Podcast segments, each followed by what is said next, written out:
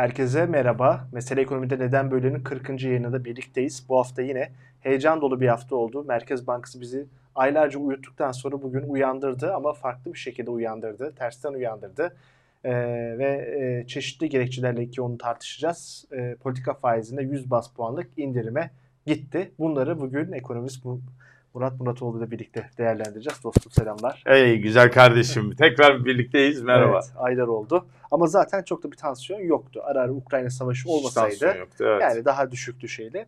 Şimdi tam döviz kuru rekor düzeyine gelmişken ve işte bir yerlerden para bulalım, satalım, dengeleyelim denirken şaşırtıcı bir şekilde faiz indirimi geldi. Kafalarında ne var dersin? Ya işin açıkçası sözlerini tuttular. Dediler ki bu yıla %14 faizle başlıyoruz. Gelecek yıl hedefimiz %12'ye kadar inmek. Buna 100 bas puanını yaptılar. Yüzünde kuvvetle muhtemel yılın son aylarında ya Kasım'da ya Aralık'ta yaparlar. Yılı %12'de kaparlar ama bu faiz indirimlerinin herhangi bir etkisi var mı dersen yok. Yani geçen hafta Moody's Türkiye'yi tarihinin en kötü seviyesine indirdikten sonra yani bunun bir alt seviyesi bildiğin gibi default.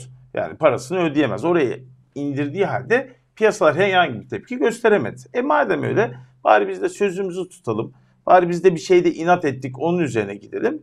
Düzelirse dünya literatürüne yeni bir katkıda bulunmuş oluruz amacıyla yapılmış. E, Merkez Bankası'nın aldığı bir karar değil bu zaten. Merkez Bankası para piyasası kurulu toplanıp ya krediler biraz dağıtmamız lazım. Türkiye'nin büyümesi lazım. Biz faiz oranlarını düşürelim. Aynı zamanda kredi dağıtımını arttıralım ki kredi dağıtımında kuvvetle muhtemel bir bollaşmaya gidecek bir seçim var. İkincisi zaten kredi garanti fonunun limitleri de arttırıldı. Yani belli ki... O enflasyon ötürü yani hani TL cinsi belirlenmiş limitler 100 liraydı 150 lira yapalım dediler artık. Yapalım dediler ama dağıtmaya da başlayacaklar. Yani parasal genişlemeye gidecekler. Yani dünyanın her şeyinin tersini yaparsak acaba ne olur şeyini, mantığını deneyimliyoruz şu anda. Dünyada e, bildiğim kadarıyla 3 tane merkez bankası faiz düşürüyor. Rusya, e, Rusya'nın şeyi enflasyonu şu anda %15'lerde. Sermaye kontrolü var. Sermaye kontrolü var. Kapalı bir ekonomi. E ki zaten insanların dolar almasını satmasına izin vermiyorlar. Çok düşük seviyede veriyorlar. Kendi paralarını kullanıyorlar ve hala yaklaşık 7-8 aydır savaştıkları halde inanılmaz bir rezervleri var. E, petrol gelirleri onlara akıyor. Rusya faiz düşürür mü? Düşürür. Çıkarttı mı? Çıkartır. İkincisi Çin. Çin'in hikayesi bambaşka. Enflasyon %3'ün altında. E, enflasyonu %3'ün altındayken faiz düşürmek biraz da enflasyonu arttırma amaçlı. Kendi para birimini, değerini düşürme amaçlı ki dünyada biraz e, söz sahibi olabilsin, biraz daha rekabetçi olabilsin. Nisan ayında zaten bir büyük bir devalüasyon yapmıştı örtülü. İşte onun bir küçüğünü daha yapacaklar. Gibi. Ya enflasyon düşürmesinin amacı o olabilir. E, faiz düşürmesinin amacı olabilir. Çin'in de döviz rezervi de 3,1 trilyon dolar. Onu da bir söylemiş Ta, inan, tabii hepsi de neredeyse yarısından fazlası da Amerikan uzun vadeli tahvillerine yatırılmış durumda.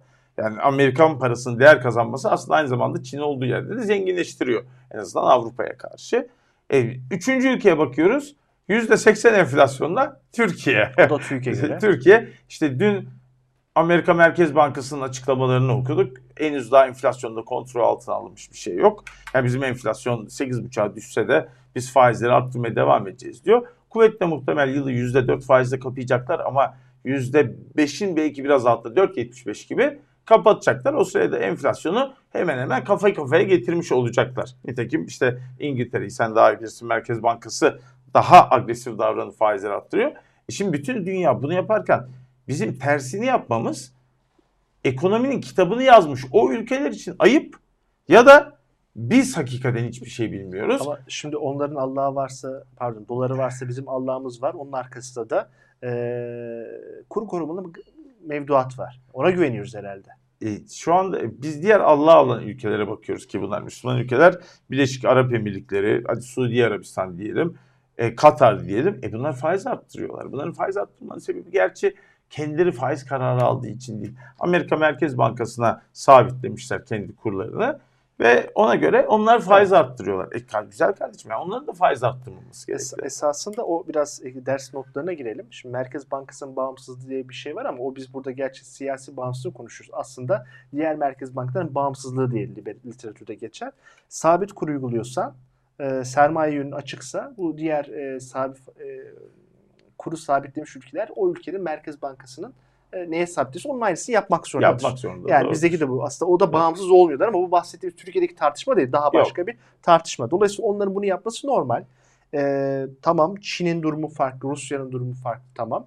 E, bizde kur korumalı mevduat var. E, hadi bir şekilde onun başka zararları var onu konuşacağız ama işi bir nebze çözüyor gidiyor diyelim.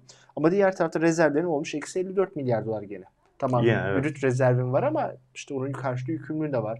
Üstelik çok zorlu bir kışa giriyorsun. Daha kışa girmedin. Daha doğrusu turizm gelirinin en zirvede olduğu aylardasın. Kışa hazırlanıyorsun. Hazırda tam bu arada petrol fiyatları da biraz düşmüş. Nefes almışsın. Ve Acaba hemen bir rehavet mi yani? Hani bu rehavet diye bu bir çeşit piyasayla inatlaşma, piyasaya mesaj verme. E, dolar kurunu zaten şu an dolar kurunu arttırmak zorundalar. Şimdi Merkez Bankası'nın rezervinin eksi, eksi olması aslında Türkiye tarihinde daha önce iki kere daha gözüktü. Bir 94 yılında bir 2001 yılında. kriz yılı zaten onlar. İkisi de kriz yılı ve ikisinin de sonu IMF'nin kucağında Evet. bitti. Bu sefer IMF'nin kucağında bitmemesi dünyanın çok değiştiği aslında finansal enstrümanların da çok geliştiği anlamına geliyor. Şimdi Türkiye normal şartlarda insanların parasını satıyor etik olmayan bir şekilde. Brüt rezervlerle devam ediyor ama son günlerde Türkiye'ye giren inanılmaz bir para var.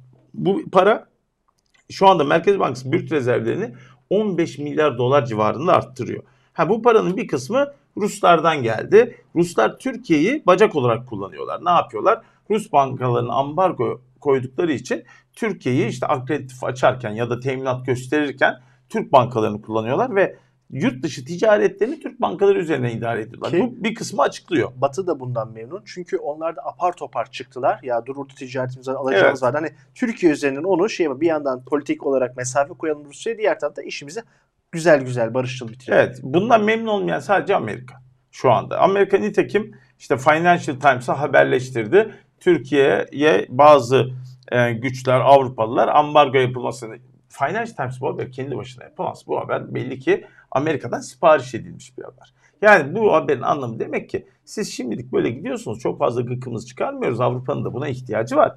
Ama ileriki günlerde bu durum biz not etmiş durumdayız başınıza sorun açabilir. Nereden açabilir? İşte Halkbank davası tekrar gelir. E, Rusya'nın yaptırımlarının bölünmesi davası ama o bugünün konusu değil. Gelecek yılın konusu. Ki bir de şöyle şimdilik e, Türkiye'ye gelen finansal varlıklar Rus üzerinden Amerikan otoritelerinin onayladığı şekilde daha tehlikeli yerlerde değil. değil. Daha oraya muhtemelen ön almak. Hani şimdilik hadi idare ediyoruz. Ufak tefek şeyler geliyor Tabii. veya Rosatom'dan geliyor. Rosatom'da yaptım yok ama başka işlere girerseniz biz buradayız demek istiyorlar.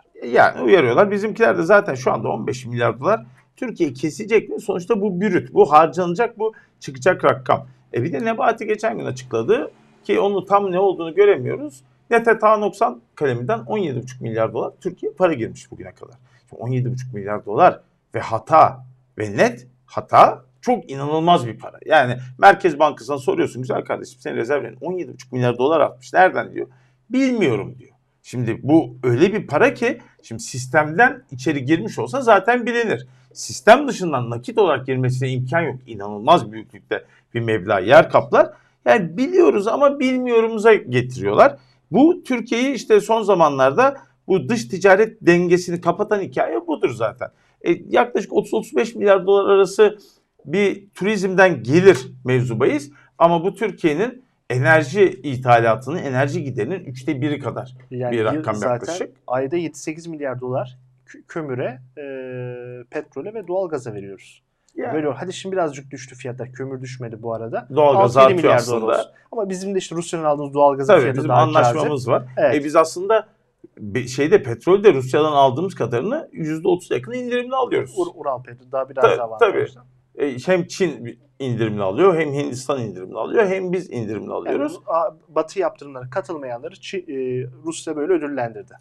Mecburen de haliyle çünkü kar borsanın altında fiyat satmak zorunda. E, şu anda reel olarak satsa e, 90 doların üzerinde ödeyecek. Türkiye şu anda 60 küsur dolarlardan bir kısım petrolüne maliyetleniyor. Ama burada tabii Putin'le iyi geçinmemiz gerekiyor. İşte o yüzden iki günde bir Rusya Türkiye'de Amerika'dan soğutmak ve kendi tarafından çekmek için S-400 anlaşması imzalandı haberleri yapılıyor.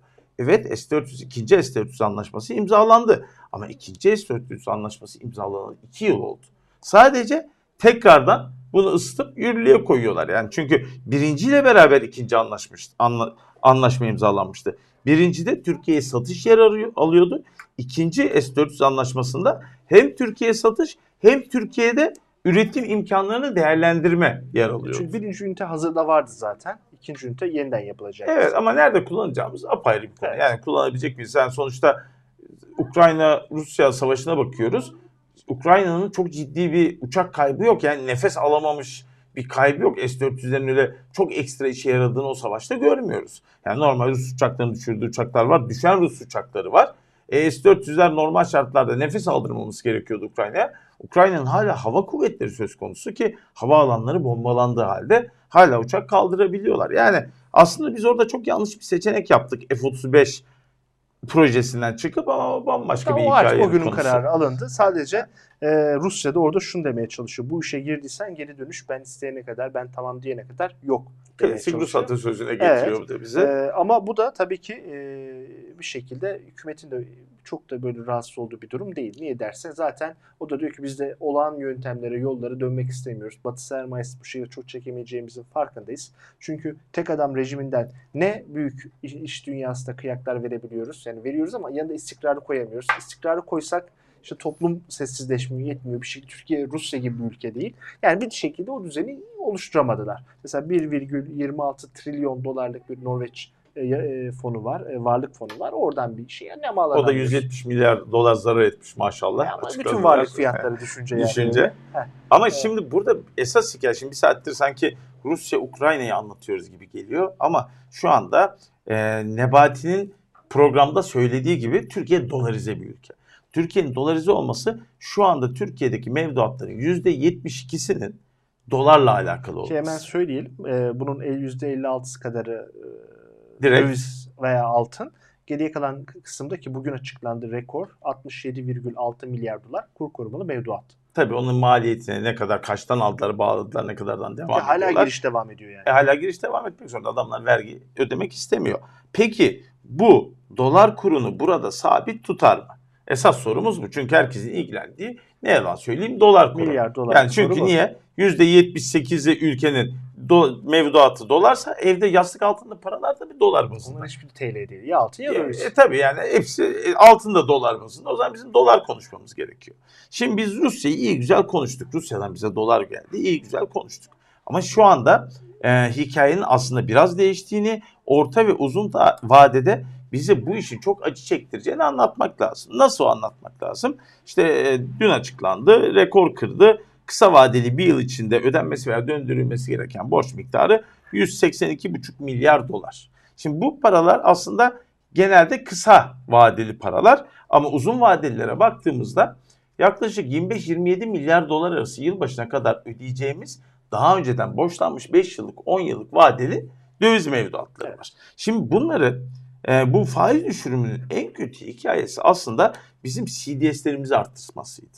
Şu anda en son baktığımda CDS'ler 770 puanı geçmişti. Şu anda ne bilmiyorum. Bu 770 puan anlamı Amerikan faizinin üzerine 7.7 sadece sigorta primi ödeyeceksiniz. Üzerine de karlar falan. İşte Türkiye şu anda tekrar %10-11 civarında borçlanabilir hale geldi. Ama yılbaşına doğru Amerika faizleri %4'e çıkartırsa bizim de CDS'lerimiz burada sabit kalırsa bu %12-%13 bandına gelir. Şimdi geçen Türkiye bunları da en son 2001 krizinde yaşamıştı. Tabii tabii ama şimdi bu 25 milyar dolar Türkiye'den çıkarsa inanılmaz büyük bir para. Çünkü çıkacak para aslında net para. Türkiye'de duran para. Aslında Rusya'dan gelenler, Rusya'nın harcayacağı, yarın çıkacağı ya da net hata noksan kalemiyle beraber girenler ne olduğu belli olmayan Türkiye'de belki aklanıp gitmek isteyen para. Şimdi Türkiye bu 182,5 milyar doların yüzde onunu çevirmeden yani yüzde onunu ödeyip yüzde doksanını çevirse yaklaşık 18 milyar dolardan fazla para gidecek. Şimdi geçen günkü haberlerde Dünya Gazetesi'nde yazıyor bu arada yani ben de uydurmuyorum sağdan soldan duymuştum da yok. İki banka sendikasyon kredilerini ödeyeceklerini tekrar çevirmeyeceklerini Yapı kredi söyledi. dedi. Ha, Bu yapı kredi. Aralık ayında o 1 milyar dolar, bir küsur Evet. milyar dolarını tekrar ödeyeceğini söyledi. Yaklaşık 3 milyar dolar. Şimdi bu paralar tekrar borçlanılmazsa ki hükümet baskısıyla tekrar borçlanmak zorunda. Hükümet niye baskı yapıyor? Güzel kardeşim diyor ben faizleri %13'e düşürdüm. Bu dünyada sadece sizi etkiliyor. Kimseyi etkilemiyor. Çünkü Merkez Bankası'nın düşürdüğü bu para Merkez Bankası ile bankalar arasında olan bir ilişki. Yani bankaların Merkez Bankası'ndan aldığı faiz oranı bu. %13. E %13 de sen gidip banka seni fonluyor. Sen bunu %25, %27, %40, %57 faiz oranlarıyla kredi veriyorsun. Ya da devlete işte %20-21 vadeye göre %17, %18 bile versen ki teminat tutmayı mecbur kıldı devlet tahvilleriyle veya bonolarla olmasını. E haliyle tahvil ve bonolara çok ciddi para geliyor. Biraz teknik gibi gözüküyor. Ama bunun ez cümle anlamı bankalara diyor ki devlet siz çok fazla kar ettiniz. Ben ne istersem onu yapacaksınız diyor. O da şöyle yapıyor. Yani ben gidiyor devlet hazinesi olarak yurt dışından borçlanamıyorum. Adım çıkmış. Ama sizin hala itibarınız var. Gidin borçlanın. Getirin onu bana. Swap yapın. Bana verin swapla. Ben de bunun karşılığında size e, TL vereceğim ve sadece %13 faizle vereceğim. Evet. Dövizinizde zaten sizin bilançonuzda gene duracak. Sadece bende o e, varmış gibi gözükecek. Bunun mantık bu yani ve Bak bugüne ne kadar işlemedi. İşte bir saattir benim anlatmaya çalıştığım Türkçe, Türkçe meali burada. Yani bir insan Türkçe meali bu kadar güzel anlatabilir. Ha dediğim birebir aynı ama şimdi bu hikaye buraya kadar böyle nasıl gidebilir? Gidemez. Yani çünkü sistemsel aksaklıklar yaşamak zorundasın. Mesela kur korumalı mevduatı sen yaptığından beri bir yurt dışına para çıkışı aslında hızlandı. Yani aslında sistemsel bug'ları var. E aynı zamanda enflasyon çok ciddi rakamlara geldi. Yani enflasyonun artması ve durmaması aslında bu sistemsel bir çeşit kur korumalı mevduatın da hikayesi. E, kur korumalı mevduat neyin hikayesi? Senin durup dururken %19'dan %14'lere kadar faizi düşürmenin. Yani bunlar hepsini birbirini etkiliyor ve bunlar gittikçe mesela bir düğmeyi kapıyorsun öteki düğmeden bir şey çıkıyor. Ona basıyorsun başka bir şey çıkıyor. Onu şuna benzetiyorum. Hükümet bir ahtapot gibi her bir deliğe dokunulmaya çalışıyor. 8 tane kol var. Çünkü kanunları çiğneyebiliyor, esnetebiliyor. İşte halk bazı şeylerin teknik yapısı bilmediği için ha iyi işte iyi bir şey yapıyordur diyor. Sadece sonuca bakıyor. Bundan faydalanıyor. 8 tane kol ama yetmiyor. 9. 10. de- delik çıktığı zaman gemi su, gemi su alıyor. E ne oluyor? Bir anda mesela hiç alakası yok. Aslında alakası var. Mesela otomobilden kolların biri Evet. otomobili kapayamıyor. O zaman diyor ki sıfır otomobillerde 6000 kilometre 6 ay boyunca işlem yapılamayacak. Satış alış yapılamayacak deniyor. Mesela bunun ne alakası var diyorsunuz? Aslında bunun bunlarla alakası var. Kira mesela %25 diyor. En fazla %25 arttırabilir. Niye? KYK kredilerini sileceğim diyor bundan sonra. Çünkü üfe olmuş %146 çocuklara %146 ile faiz vermişsin sen. A- Evet Ha. aslında bu sistemin yani bir anda kurduğun sistemin diğer yerlerde verdiği hatalar ve bu hatalar sen diğer delikleri kapadıkça daha da dallanıp budaklanıyorlar. Ve bunun altında kalamaz. E haliyle e şimdi bir anda erken seçim konuşulmaya başlanacak bak görürsün. Niye? Çünkü Mantıksız böyle değil bu arada konuşulması da. olabilir. Yani kimse aa niye oldu diyemez. Yani Kasım ayında konuşulmaya başlanıyor.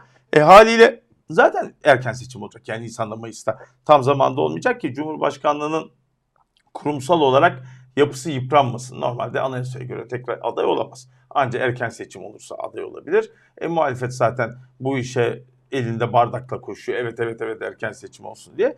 Kuvvetle muhtemel bunu kullanacaklardır. Ama ez cümleye bakarsak Türkiye ekonomisi maalesef bu kararlarla daha iyi gitmeyecek. Daha iyi gitmesine imkan yok. Yani bütün dünya Mersin'e giderken sen tersine gidiyorsun. Ama e, elinde ne herhangi bir tasarruf var ne herhangi bir o döviz borcunu ödeyebileceğin para var. Rusya'da hiçbir şeyi karşılıksız vermeyeceğine göre işte Akkuyu nükleer santralinin tamamına el koydular.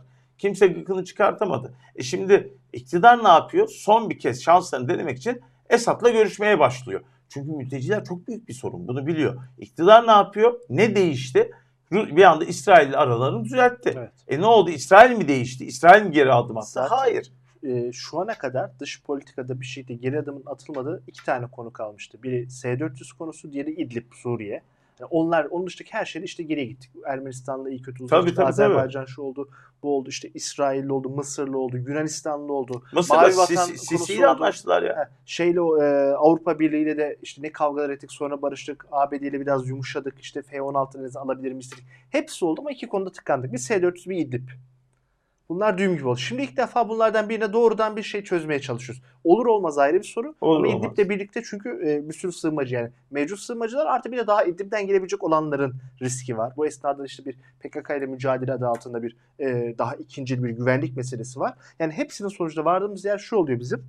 E, artık sürdürmelerinin çok sonuna geldikleri, tıkandıkları noktada hiç olmaz dedikleri işte Birleşik Arap Emirlikleri ile olan Peki gibi niye bu bunu yere yapıyorlar? getiriyorlar. Niye bunu yapıyorlar? Yani mesela ekonomimiz iyi olsa, şu anda dengeler sarsılmamış olsa gidip İsrail'le, Suriye'yle ya da Suudi Arabistan'la gidip ya da Mısır'la, Sisi'yle barışırlar mı? Barışmazlar. Öyle bir çıkmazlar Zaten o ki yüzden barışmadılar uzunca yıllar. uzunca direndiler. yıllar ama şu anda ekonomi o kadar kötü ki ya toparlanabilecek halde değil. E o yüzden mecburen bazı kanalların açılması, bazı şansların bulunması için dış politikada da yani benim aslında olması gereken dediğim onların taviz dediği hareketler meydana geliyor. Ve bu tavizleri o, Türkiye o kadar vermek zorunda ki işte zaten mesela İsrail lobisini kaybetti. Biden bir anda Ermeni katliamını kabul etti. Yani her şey birbirine bağlı fakat her şey karışmış yönde. E şimdi bir ülke düşünün faiz kararını saraydan aldığı belli bir Merkez Bankası'nın.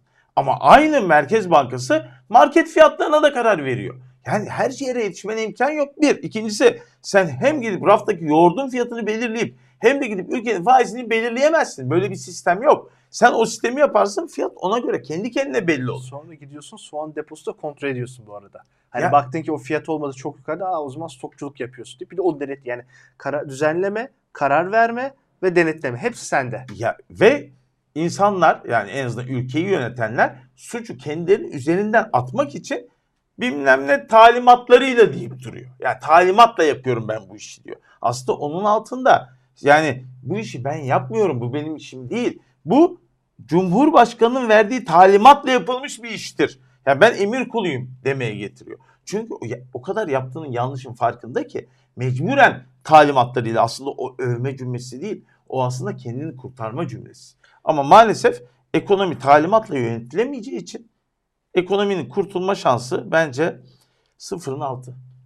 Ee, zaten e, şimdi şöyle olsa anlarım. Sosyalist bir ekonomisinizdir, planlı ekonomisinizdir. Piyasaya işleri bırakmıyorsunuz. Şu anda bu arada Böyle dünyada daha ilerlersiniz. sosyalist bir ekonomi yok. Hayır, sıkıntı şurada. ki. Öyle olsa en azından bir düzen olur. Bilinir neyin ne olduğunu ve araştırmalar yapılır. O bilimsel e, tespitler sonucunda bir tutarlı politik olur.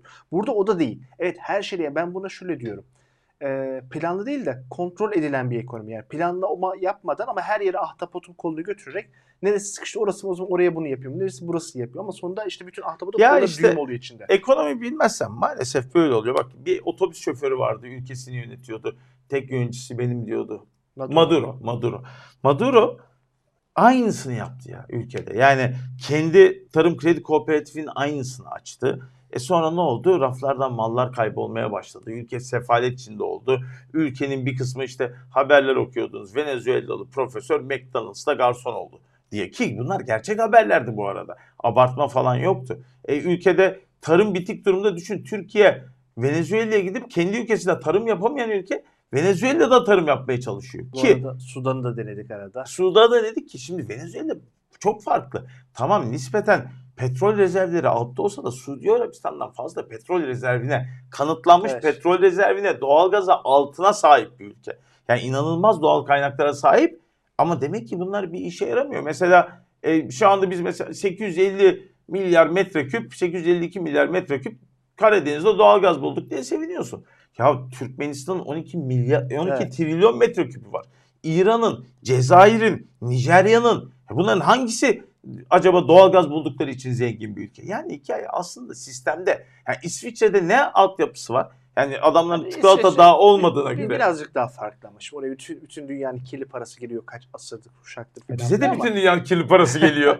Biz para Evet. kazanabiliyor muyuz? Asırlardır, kuşaklardır olmasa da şu anda İsviçre bildiğin pure pak ülkelerden biri. Türkiye kara listeye girmesine bir adım var gri listede. Ama Yani işte- Türkiye'ye para sokmuyorlar çünkü beyazı griye çeviriyor. Türkiye'den gelen paraları yurt dışına bir 50-60 bin dolar yollamaya çalış bakayım.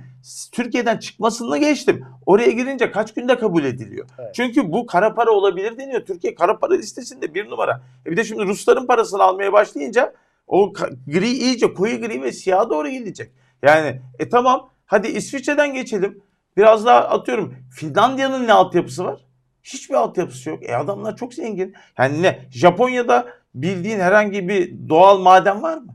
Yok. E bu adamlar zengin. E Nijer'de ya da Tacikistan'da ya da Türkmenistan'da doğalgaz var. İşte patlamış durumda. sistem, Yani hikaye sistemde bitiyor. verimlilik, Evet. evet. şey gibi çok sayıda şey var. Peki şimdi bu yakında herhalde patlayacak gibi diye düşünüyorsun. Ekonomi bunlarla kolay kolay iyiye gitmez. Yakında Ama değil. Ben son şeyde yılın sonunda da çünkü bu Eylül ayını artık geçirir. Çünkü 15 milyar dolar para girmiş. E, yabancı yok piyasada kaçabilecek. E, Türk paralarına şirket döviz aldığı anda telefon geliyor. Baba sen o dövizi niye aldın diyor. Yurt dışına yolladığı anda geliyor.